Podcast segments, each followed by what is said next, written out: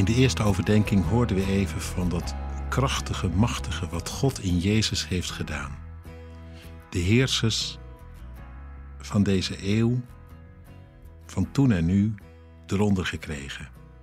De macht van de hel gebroken, hem het recht ontnomen, om het nog langer zomaar ongestoord voor het zeggen te hebben.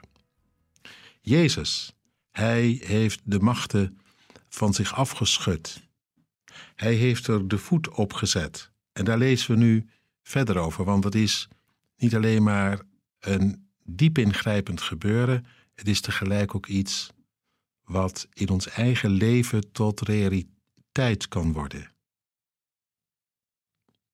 Hoor maar wat er staat in het vervolg, vers 22 en 23 van hoofdstuk 1.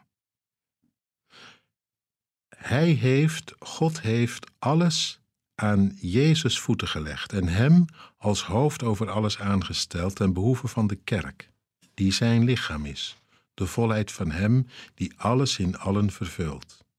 En dan zie je weer die beweging waar ik al eerder op gewezen heb, die hele grote woorden, die krachtige daden van God.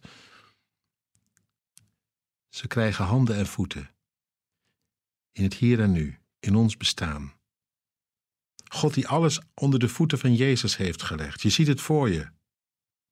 Iemand die overwinnaar is en de voet gezet heeft op de nek van zijn vijand. Maar tegelijk, het wordt een werkelijkheid in dat bestaan van ons, van jou, van mij, van mensen toen in Efeze. Het is ten behoeve van de kerk staat hier, die zijn lichaam is.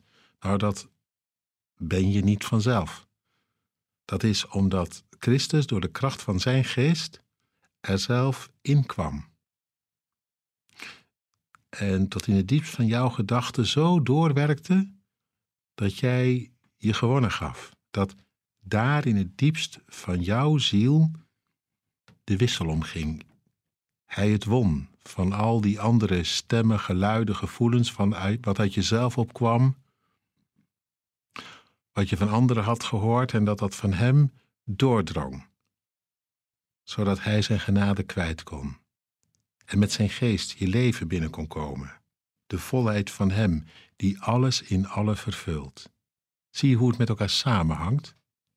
Het blijft, je, het blijft iets om je over te verbazen. Dat hele grote van God in Christus. Gewoon in jouw eigen kleine leven. En ja, ook in dat van die broeders en die zusters. In de gemeente waar jij deel van uit mag maken. Godlof.